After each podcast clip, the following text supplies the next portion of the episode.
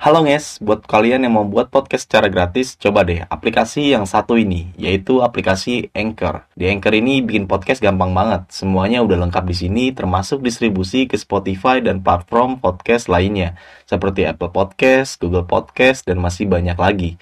Jadi tunggu apa lagi? Download aplikasi Anchor sekarang dan buat podcast kalian semenarik mungkin segera.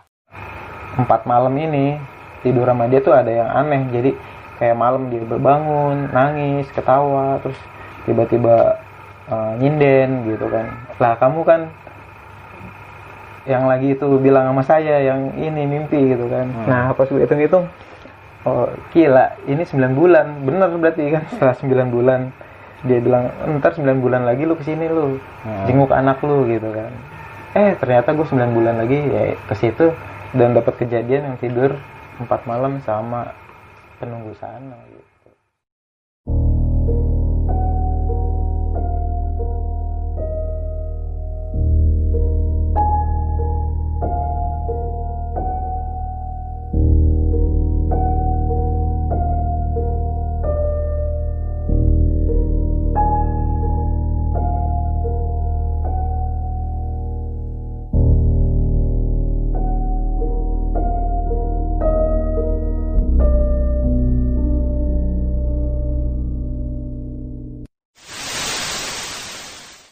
Assalamualaikum warahmatullahi wabarakatuh. Balik lagi bersama gue Indra di Besok Pagi Channel. Kali ini gue bersama Bang Ari Dan ingin menceritakan kembali uh, part 2 Menembus Argo Puro Tentang perjalanannya Bang Ali Hmm, Kembali lagi setelah 9 bulan ya? Iya, Itu tanpa disadari. Tanpa disadari. Nah, ini lebih unik lagi nih. Jadi Bang Ari telah menceritakan perjalanannya di Argopuro di part 1 sebelumnya. Dan kali ini Bang Ari kembali lagi ke Argopuro 9 bulan tanpa disadari. Kalau kalian mau menyaksikan part 1 silahkan ditonton terlebih dahulu agar saat menyaksikan part 2 ini tidak menjadi kesalahpahaman alur ceritanya. Lagi gue ingatkan buat kalian semua bahwasannya video kali ini bukan untuk menakut-nakuti kalian semua, bahwasanya video yang gue buat ini bersama Bang Ari hanya sekedar berbagi pengalaman. Terutama pengalaman Bang Ari saat pendakian Gunung Argopuro untuk yang kedua kali nih Bang ya. Iya, kedua kali. Kita nggak mau berlama-lama lagi nih Bang. Nah, Mungkin langsung aja ceritanya. Oke. Jadi gue cerita eh, Argo Puro yang kedua kalinya Kedua kali ya. nyambung dari yang pertamanya Nah, dengan pesannya eh, Pak Arifin yang bilang setelah mimpi itu "Wah, nanti lu balik lagi nih 9 bulan lagi gitu nah, terus masa sih Pak? Gitu doang sih. Cuman dalam hati aduh gua nggak mau lagi dah ke Argopuro kan gitu Hmm. kan. Ya udah. Ya jalannya waktu sampai 9 bulan itu ya udah lupa dengan cerita apa namanya misteri yang di sana waktu pertama kali itu kan. Nah, ada temen ngajakin minta temenin gitu ke Argopuro Ah. kan sendiri. Temenin ke Argopuro yuk gitu kan. Dan ya itu tanpa gue sadari gue bilang yuk ayo gue temenin. Gitu. Dan itu ternyata 9 bulan setelah kejadian yang pertama. Nah, ya udah kita jalan berdua nih eh, ke Argopuro kan. Sampai di Banderan kita ketemu ya lagi ngurusi maksi kita ketemu satu orang eh, perempuan gitu kan. Eh, kita sebut saya Dewi ya di situ Ya. ya. Nah jadi eh, pas ngurusi maksi itu dia nggak boleh naik gitu. Karena dia sendiri. Dia mau naik Argopuro sendiri gitu. Akhirnya si penjaga base camp nyuruh saya untuk bareng. Hmm, nih bareng aja nih sama Ari nih berdua nih gitu. Tapi sebelumnya kan saya tanya nih oh, kok sendiri? Lengkap nggak bawanya gitu Hmm. kan. Kayak tenda logistik dan lain gitu kan ternyata lengkap kok mas gitu. Oh ya udah kalau lengkap ya udah bareng gitu. Hmm. ya udah kita mulai pagi itu jalan trekking. Eh, tujuannya sih ya udah ngecamp di Matahari satu gitu. jadi jalan santai. Terus pas di perjalanan menuju Matahari satu itu kita makan siang di trek. Hmm, cuaca waktu itu kan gerimis terus kabut ya. Jadi Hmm. kayak cacing-cacing itu pada keluar dari tanah kan. Ya udah kita makan cuek aja lah. Daripada lapar ya kan kita makan aja. Nah dia nggak tahu bercanda atau enggak sih Dewi ini. Nah makan pakai cacing ini gitu kan ngambil- cacing kayak mau dimakan. Ya udah terus langsung eh apaan sih orang kita udah bungkus nasi gitu kan dari bawah. Terus ya udah selesai. Itu kayak anggapannya ah bercanda lah gitu kan untuk makan cacing itu. Kita lanjut lagi ke mata air satu. Sampai sana itu sekitar jam 4 emang jalan kita santai banget kan. Hmm. satu perempuan sekalian nemenin temen kan satu Hmm. kan itu santai banget deh. Sampai jam 4 di mata air satu itu ada dua tenda.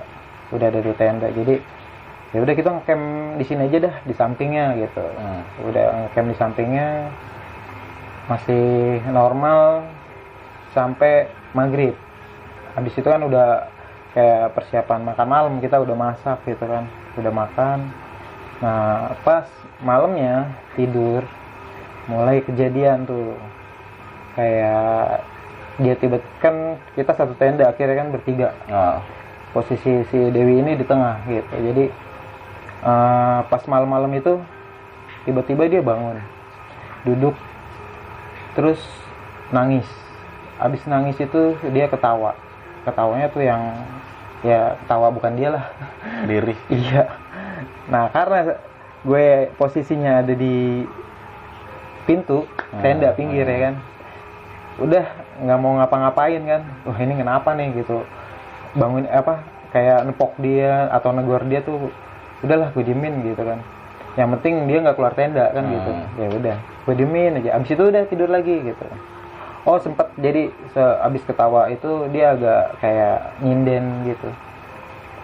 Eh, senandung di Ah. eh, kayak suara-suara gitu kan.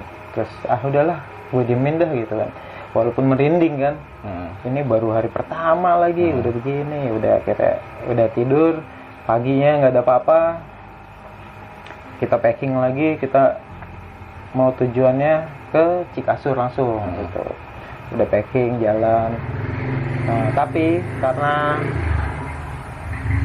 nggak ngerti itu tenaga dia atau bukan dia itu dia tuh jalannya cepet banget cepet banget nah gue kan nemenin temen dan jagain dia kan berarti kan posisi di tengah nih Hmm. temen yang gue temenin ketinggalan terus yang si Dewi ini jalannya ngebut banget gitu kan Hmm.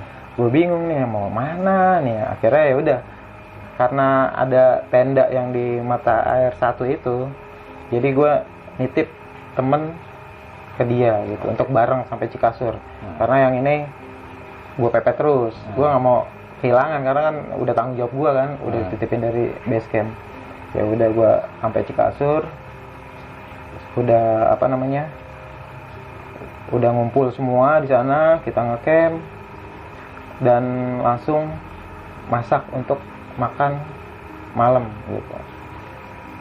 Tapi anehnya di sini dia kayak marah-marah gitu kan mau dibantuin masak.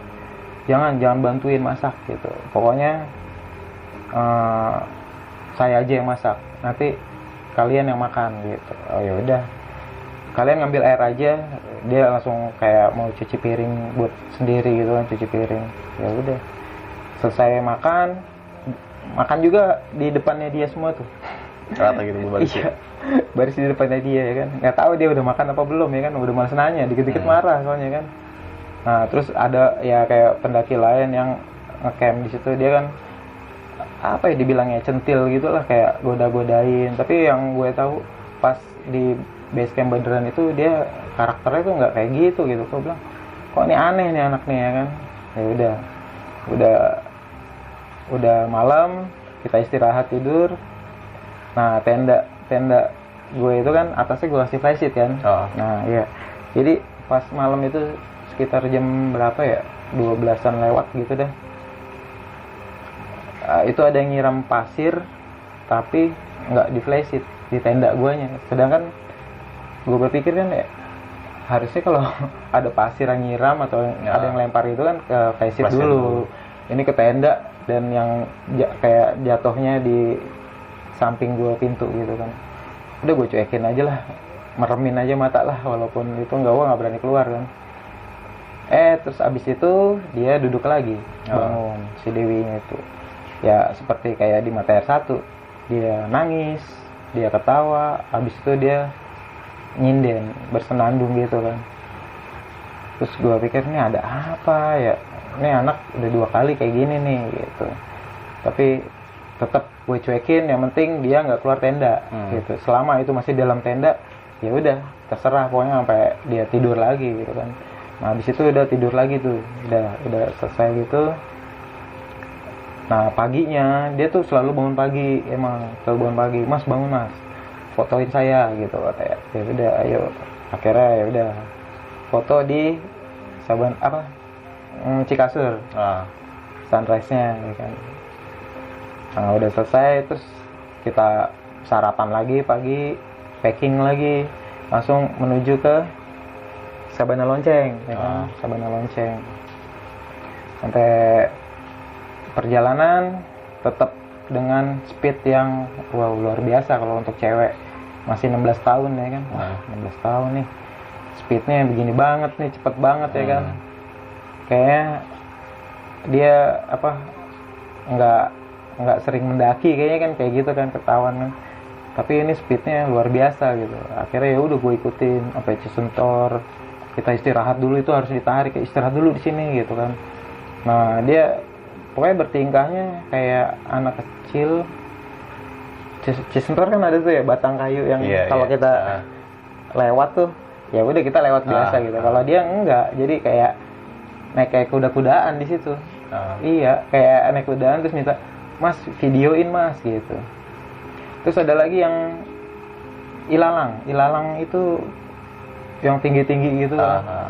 dia jalan terus tiba-tiba langsung balik mas videoin dia mau nari atau mau nyanyi gitu kan ya udah gue videoin aja dari belakang ikutin aja. Pokoknya gue ikutin sampai dia puas dah seneng ya pokoknya nggak nggak ada yang gue larang. Dia mau yang penting pas istirahat tungguin yang lain yang di belakang gitu.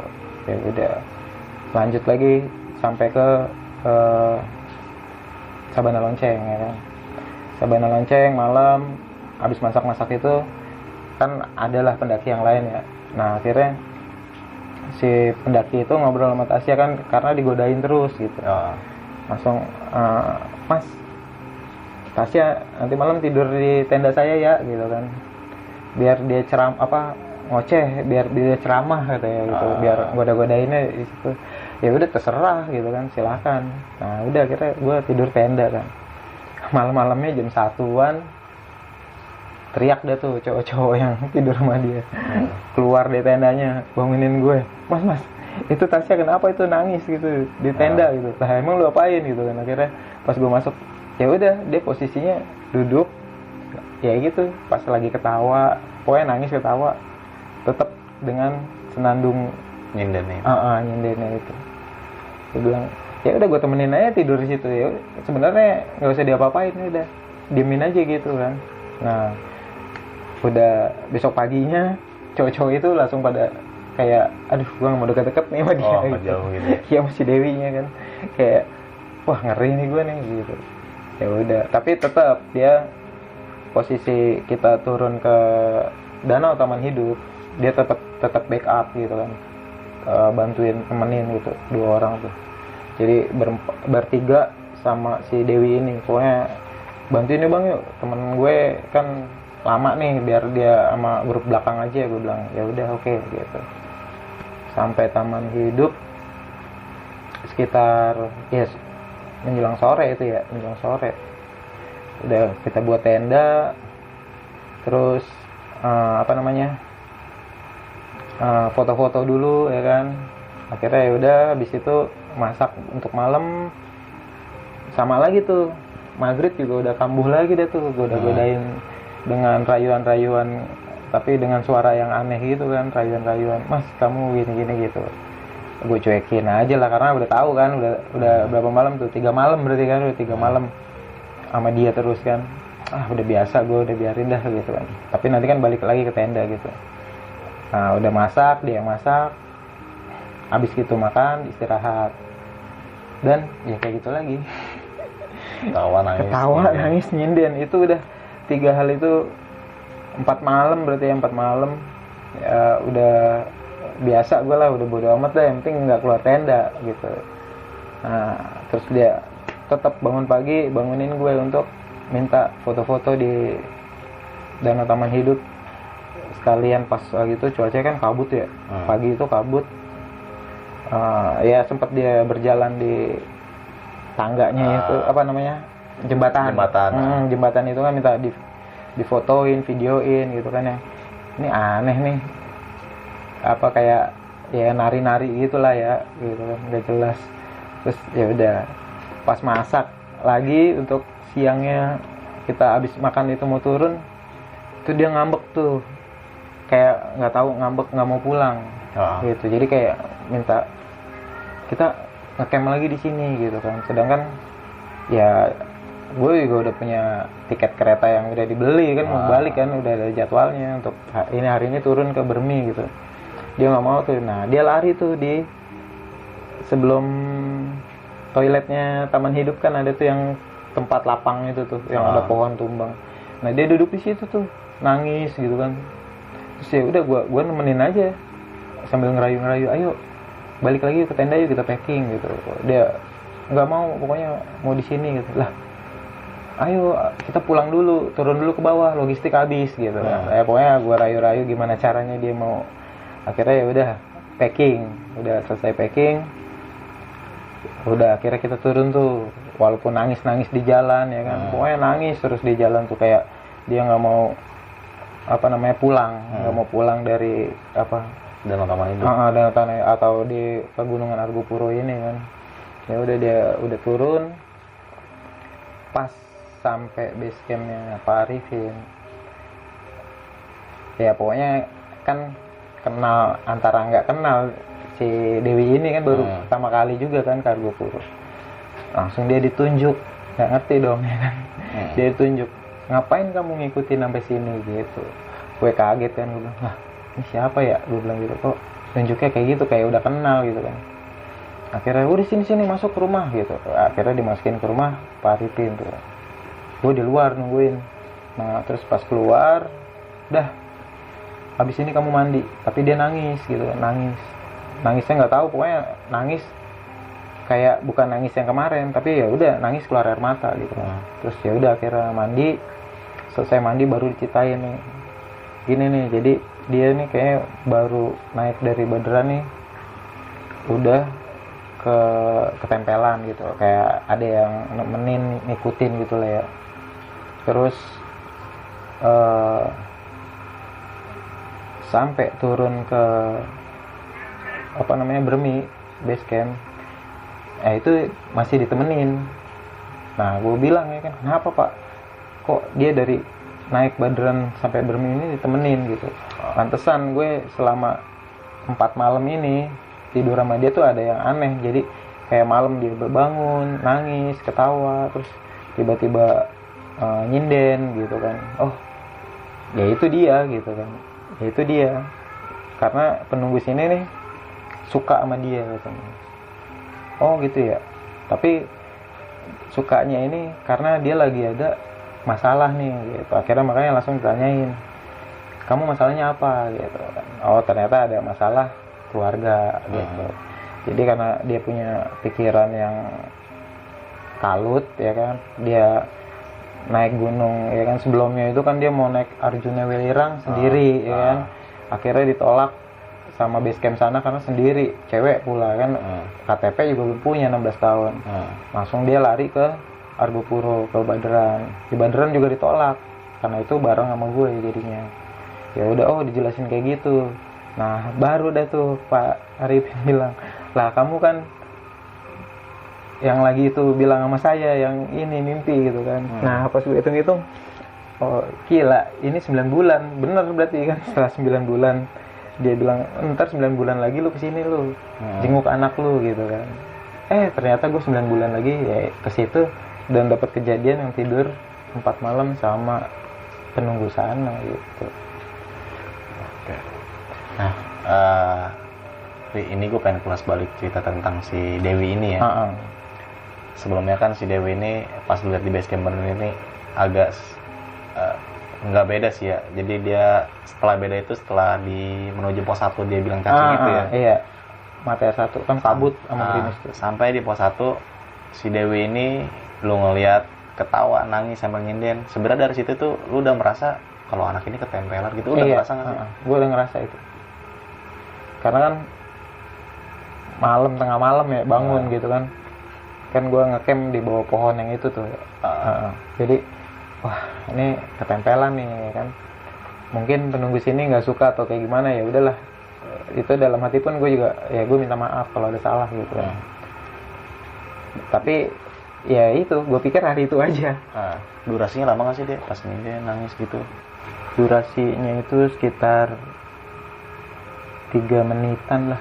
Tiga menit sampai lima menit gitu kan nggak Pokoknya- lama lah ya. Iya nggak lama tapi ya merinding juga kan. Tiba-tiba dia bangun gitu lima menit sih lumayan tuh. Nangis nangisnya ada itu terus jeda diam ketawa. Ya kan? Ketawanya cekikikan apa gimana? Halus ketawanya. Sampai merinding pokoknya. Di dalam SB itu kan aduh merinding nih. Ya pokoknya gue pantatin aja. Yang penting dia mau keluar tenda nggak boleh udah gue baru gerakan. Tapi ya udah karena dia cuma nangis ketawa terus nyinden abis itu tidur lagi. Ya udah. Itu berlanjut sampai malam keempat ya begitu iya ya? malam keempat. Dengan durasi yang sama. Nah, Cikasur Sabana Lonceng Taman Hidup sama semua kayak gitu. Nah, nah, kalau kita bahas Cikasur kan Cikasur ini salah satu tempat yang menyimpan sejuta cerita di dalamnya Ri. hmm, bukan mistisnya aja nih. Iya. Sejarahnya pun juga kaya. Ya. sejarahnya juga banyak tuh Cikasur. Cikasur itu kan salah, ada salah satu landasan pesawat terbang ya. Iya kan? Nah kita ulas nih tentang sejarah tentang tempat pembantaian warga sekitar di Cikasur karena Oh. banyak salah banyak berba- berbagai cerita nih yang gue Ah, dapat ah, nih ah, ah. salah satunya kalau di Cikasur itu ada salah satu pendopo yang Iya, di mana ah. pendopo itu ada katanya Mm-mm. nah, tempat pembantaian massal di situ dikuburkan di situ dibuatlah pendopo Hmm. tapi ada berbagai cerita lain yang berbeda lah Iya. nah gue sebenarnya pengen tahu nih karena lu udah sering bolak-balik Kargo Puro nih ya nggak mungkin dong lu cuma naik gunung aja kan Iya.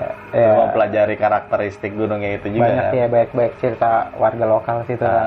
nah kalau ten- tentang sejarahnya Cikasur itu yang warga dibantai itu warga lokal dibantai pada zaman Belanda itu di mana letaknya? Itu ya dapat cerita juga eh, itu sekitaran landasan itu kan. Eh, mereka disuruh buat apa namanya kayak gorong-gorong gitu kan. Ah, Heeh. setelah itu baru dibantai gitu kan katanya. Habis itu dikubur di situ. Ah, jadi setelah dibantai dikubur di situ. Kalau yang pendopo itu kan tempat para petugas yang tinggal di situ gitu petugas yang pengawas ah, gitu kan. zaman Belanda lah ya. zaman Belanda itu kenapa dibangun landasan pesawat terbang? Lu tahu nggak ceritanya?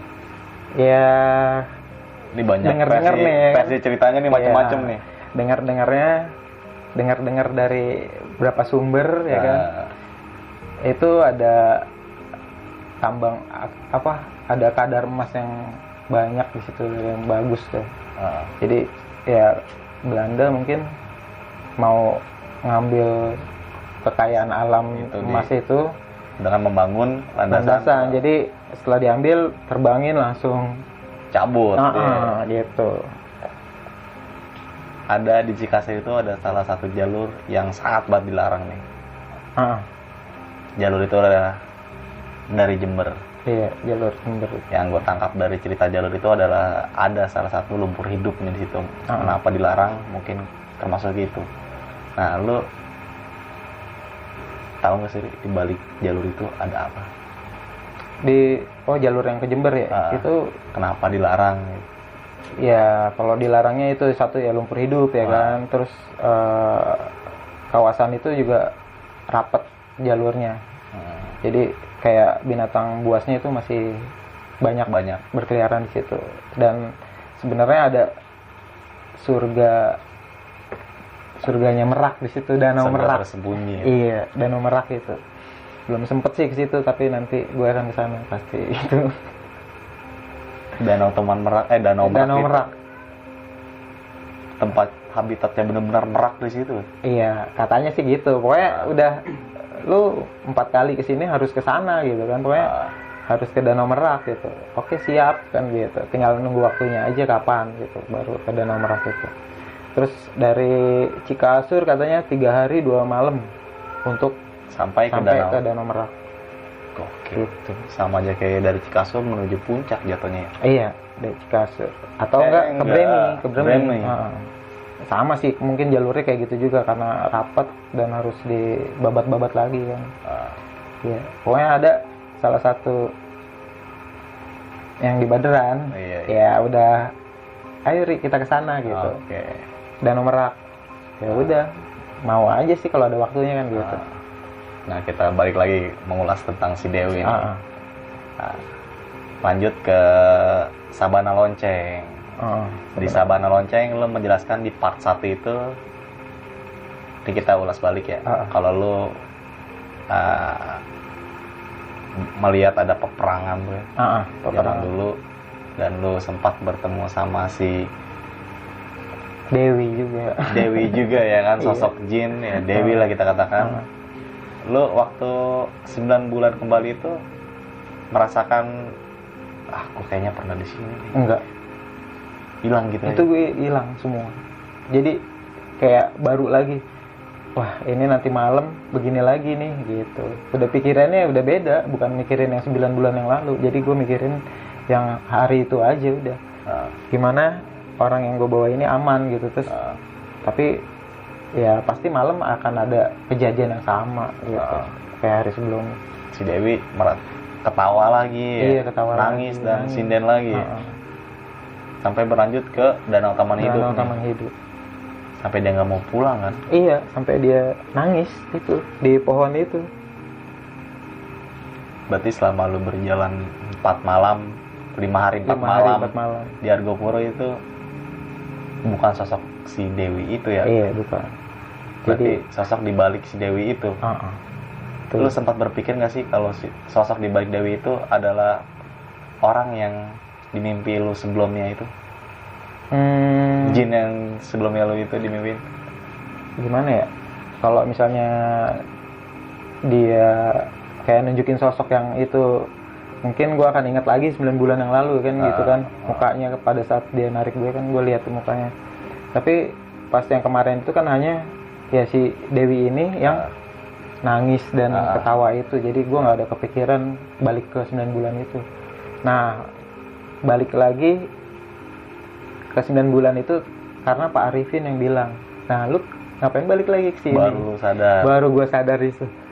Gue hitung dari bulannya wah pas banget 9 bulan. Iya ya pak. Kok saya bisa ke sini gitu kan. Eh, ya itu panggilan. Argopuro ya Ri, ya? Jalur trek terpanjang di Jawa pegunungannya juga luas banget. Nih. ah. Banyak jalur-jalur yang belum kita temuin di Argopuro banyak ya lu kan udah empat kali ke Argopuro nih. Ah, ah. lu sadar nggak sih lu kenapa harus terus balik-balik terus ke Argopuro nggak tahu ya. Jadi ya pokoknya ada yang ngajakin. Terus tanpa gua bisa nggak nggak bisa nolak kayak misalnya ayo udah yuk gitu aja udah. Nggak ada kepikiran yang wah gue punya kisah ini yang pertama yang kedua kisah ini ya. Ya udah. Tapi setelah ketiga keempat nggak ada sih. Nggak ada nggak ada kayak apa namanya gangguan gangguan lain gitu. Biasa aja ya. Biasa aja. Berarti perjalanan Argopuro yang pertama Hmm. Dan kedua aja tuh yang merasakan hal gaib lagi Ah. nih katakannya yang gue denger nih Hmm. katanya kalau kita dari Sabana besar sebelum Cikasur ya Iya, bisa tembus ke Cisentor. Cisentor. Menurut lu gimana tuh? Karena lu kan pernah Iya. diajak lah lewat jalur situ. Iya, gua eh Cisentor itu ya dia langsung ngambil kan kalau ke kiri kan dia ke Cikasur ya. Ah, Jadi kita babatnya yang kanan, tebing kanan tuh. ah, Tuh tebing kanan tuh banyak petilasan di situ. Kayak jalur jalur jalur ini sih apa ya namanya kayak orang-orang mau bersemedi apa Iya bersemedi kayak gitu soalnya kan banyak petilasan di sana kan banyak Ah. petilasan kayak makom gitu. Itu langsung tebing nembus ke tebing kanannya Cisentor. Berarti kalau kita jalur biasa itu turun, Ah, dia tetap ada di kanan di atas gitu. itu bisa dilalui sama motor Bisa motor bisa dari Sabana besar itu dari Sabana besar tapi yang gue cari-cari mana nih jalannya itu belum gue ketemuin gitu nah Pokoknya ada sih orang-orang warga lokal lah yang bilang di sana bisa mas gini gini gini gitu. Ah. Ya kan gue kepo juga dong kan gitu. Jadi oh gitu ya ada ya iya ada. Ya udah pas istirahat di Sabana besar mencobalah gue untuk ke kanan gitu. Ah. Walaupun nggak jauh cuma ngeliat jalur. Oh kalau ada jalur oh ya udah ada berarti benar gitu. yang lu lihat ada Jarak belum ada. Jarak yang gue jalan tuh kayak kurang jauh karena di sana masih ada sabana lagi kan. Ah. nah di Cisentor ini ada jalur ya yang katanya bisa tembus sampai ke Cemoro Limo Cemoro Limo. Iya jalur apa ya? Buat yang angkatan-angkatan gitu kan. jalur militer Jalur militer ya. berarti itu melipir lewat mana ya Hmm, di belakang di belakang posnya Cisentor ya. Nah, Di belakang posnya Cisentor. Kita melipirin berarti nggak sampai puncak berarti Enggak, berarti dia melipir di bawahnya puncak Rengganis. Kalau gue mikirnya gitu kan, Ah. karena kan gue belum jalanin ke sana, cuma dikasih tahu di sini ada jalan, di situ nanti di eh, Cemoro Limo kiri itu juga ada jalan gitu, Ah, nyambungnya ke ah. Cisentor. Oh, berarti dia muter ke lewatin punggungan puncak puncaknya Rengganis. juga ya ah. Berarti lewat tebing-tebingnya Rengganis itu bawahnya puncak kan. Nah, lu pernah lewatin salah satu jalur setelah lewat Gunung Lumut menembus Danau Taman Hidup dan itu jaraknya cukup cepat ya. Iya, itu seberangnya sana gitu kan. Jadi, Nah, kalau normalnya kan setelah kita dari puncak nih ya ah. mau ke Danau Taman Hidup kan ambil kanan nih. iya, Ada pertigaan gitu jalan. Yang gue tahu kan sebelah kiri ini ada jalur militer. iya. Gue sempat nyusur tapi nggak terlalu jauh nih. Ah. Karena nih tembusannya mana ya? Nah, lu pernah lewat situ ya? Gue pernah lewat situ. Biar nggak terlalu jauh sih, karena kan gue Ah. udah tiga kali Nah, lewat jalur yang kanan terus kan. Ah. Aduh, capek juga muter gitu kan. Ah. Sedangkan kiri kita udah kelihatan danaunya gitu. Kenapa? Kenapa ini jalur disilang gitu? Kan. Disilang tuh kenapa ya? Terus akhirnya ya gue coba untuk lewat situ kan. Dan nembusnya di seberang di Danau Taman Hidup, tapi seberangnya seberang bukit, seberang Iya, ya. Seberangnya itu. Jadi kalau lo mau ke camp area Danau Taman Hidup, lo melipirin tuh. Iya, melipirin. Udah nggak capek kalau di situ kan udah Ah. kelihatan Danau Taman Ah. Hidup ya udah. Tapi lu nih mengambil jalur itu punya perhitungan khusus nggak sih? Oh, Kalau iya. nanti lu ke depan terjadi hal apa-apa, gimana itu? Iya, jadi ya Kak, Bekalnya apa gitu? enggak gua gua cuman ngeliat karena di sebelah kiri itu udah ada eh, danau taman hidup ya, udah udah Ah. kelihatan gitu. Terus ini ada jalan ke kiri. Ini jalan kenapa disilang kan ditutupin kayu gitu kan. Ah, Ya udah gua coba untuk lewat situ, emang jalurnya agak rapet kan. Terus akhirnya nembus juga di situ. Jadi kalau misalnya ada kayak eh, jurang atau apa gitu, gua akan balik lagi gitu. Karena kan eh, walaupun webbing bawa gitu kan, tapi kan bukanlah bukan karena kan gue bawa orang juga kan. gitu. nah, Tapi karena itu jalannya benar, jalannya landai, malah turunan kan gitu kan dari bukit sini. Ya udah, pas gue ini, wah lebih cepet ini kan, udah kelihatan danau taman hidup gitu. Sampai yang aliran kali kecil tuh yang kita lewatin, lumut. Ah, ah. Nah, itu ya gue lewatin juga gitu. Oh ini berarti aliran sungai yang kecil yang ngambil air itu tuh yang, dan akan mengalir ke Danau Taman Hidup. ah, ah, gitu. Oke. Si Dewi ini di Danau Taman Hidup nggak mau pulang ya kan? Ya nggak mau pulang deh, nangis deh, Sempat ngambek juga. ngambek. Karena di- waktu itu gue pernah mengalami kejadian yang sangat ganjil juga. Ah. waktu turun malam hari dari puncak siang ya kan Hmm. Argopuro Hmm. gue sempat di gue katakan di sini gue nyasar lah ya kan Hmm. karena gue jalan gak sampai-sampai danau taman hidup nih Iya. sampai bertemu beberapa rombongan pendaki lain dan pendaki lain itu dua rombongan itu merasakan hal yang sama Hmm. bahkan lebih nyasarnya lebih lama daripada gua Hmm. dan pada akhirnya gua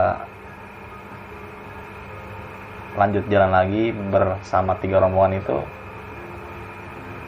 titik awal yang pertemuan gue itu nggak jauh ternyata dan taman hidup 10 menit dan itu gue lewatin salah satu jalur yang jalurnya itu bisa gue katakan jalur kubangan babi lah Hmm. Yang lumpur semua ya. lumpur semua Hmm. dan itu sisa gokil juga sih menurut gue nah si Dewi ini kan mengalami hal kejadian seperti itu kan karena faktor keluarga lah ya Hmm.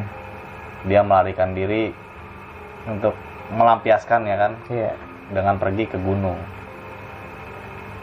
menurut lu gimana Ya. pesan-pesannya nih Iya, jadi itu apa namanya ke gunung itu sebenarnya bukan untuk kalau Dewi ini kan kita Ah. baca kan dia kayaknya ke gunung biar masalahnya selesai gitu kan. Ah. kabur dari masalah yang keluarganya itu jadi ya ke gunung mah sebenarnya nggak akan menyelesaikan masalah Eh, malah sepertinya kayak penghuni sana tuh malah seneng gitu kan wah ini Ah. lagi punya masalah nih gitu jadinya ya sebenarnya gunung bukan buat pelarian. Harusnya lu lawan tuh. Bersenang-senang lah ya. Kan? Iya, kita buat- menikmati alam ya kan? bener jadi empat hari eh lima hari empat malam itu gue juga berjalan sama si sosok bukan Dewi nih ya. Bukan bukan Dewi. Ini sangat menarik banget sih. Sangat gila menurut gua. Dan Bang Ari ini sanggup aja bertahan di situasi seperti itu. Sanggup sanggupin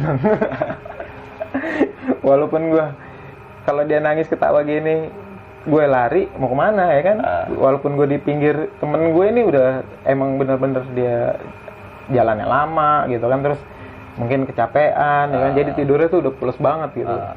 sampai gue bingung mau bangunin juga di seberang nih Ah. ngelewatin dia dulu ayo udahlah gue diemin aja gitu gue juga mau kabur mau ke mana ya kan ya udah mau dibacain doa aja udah bacain doa aja kan gitu Ah.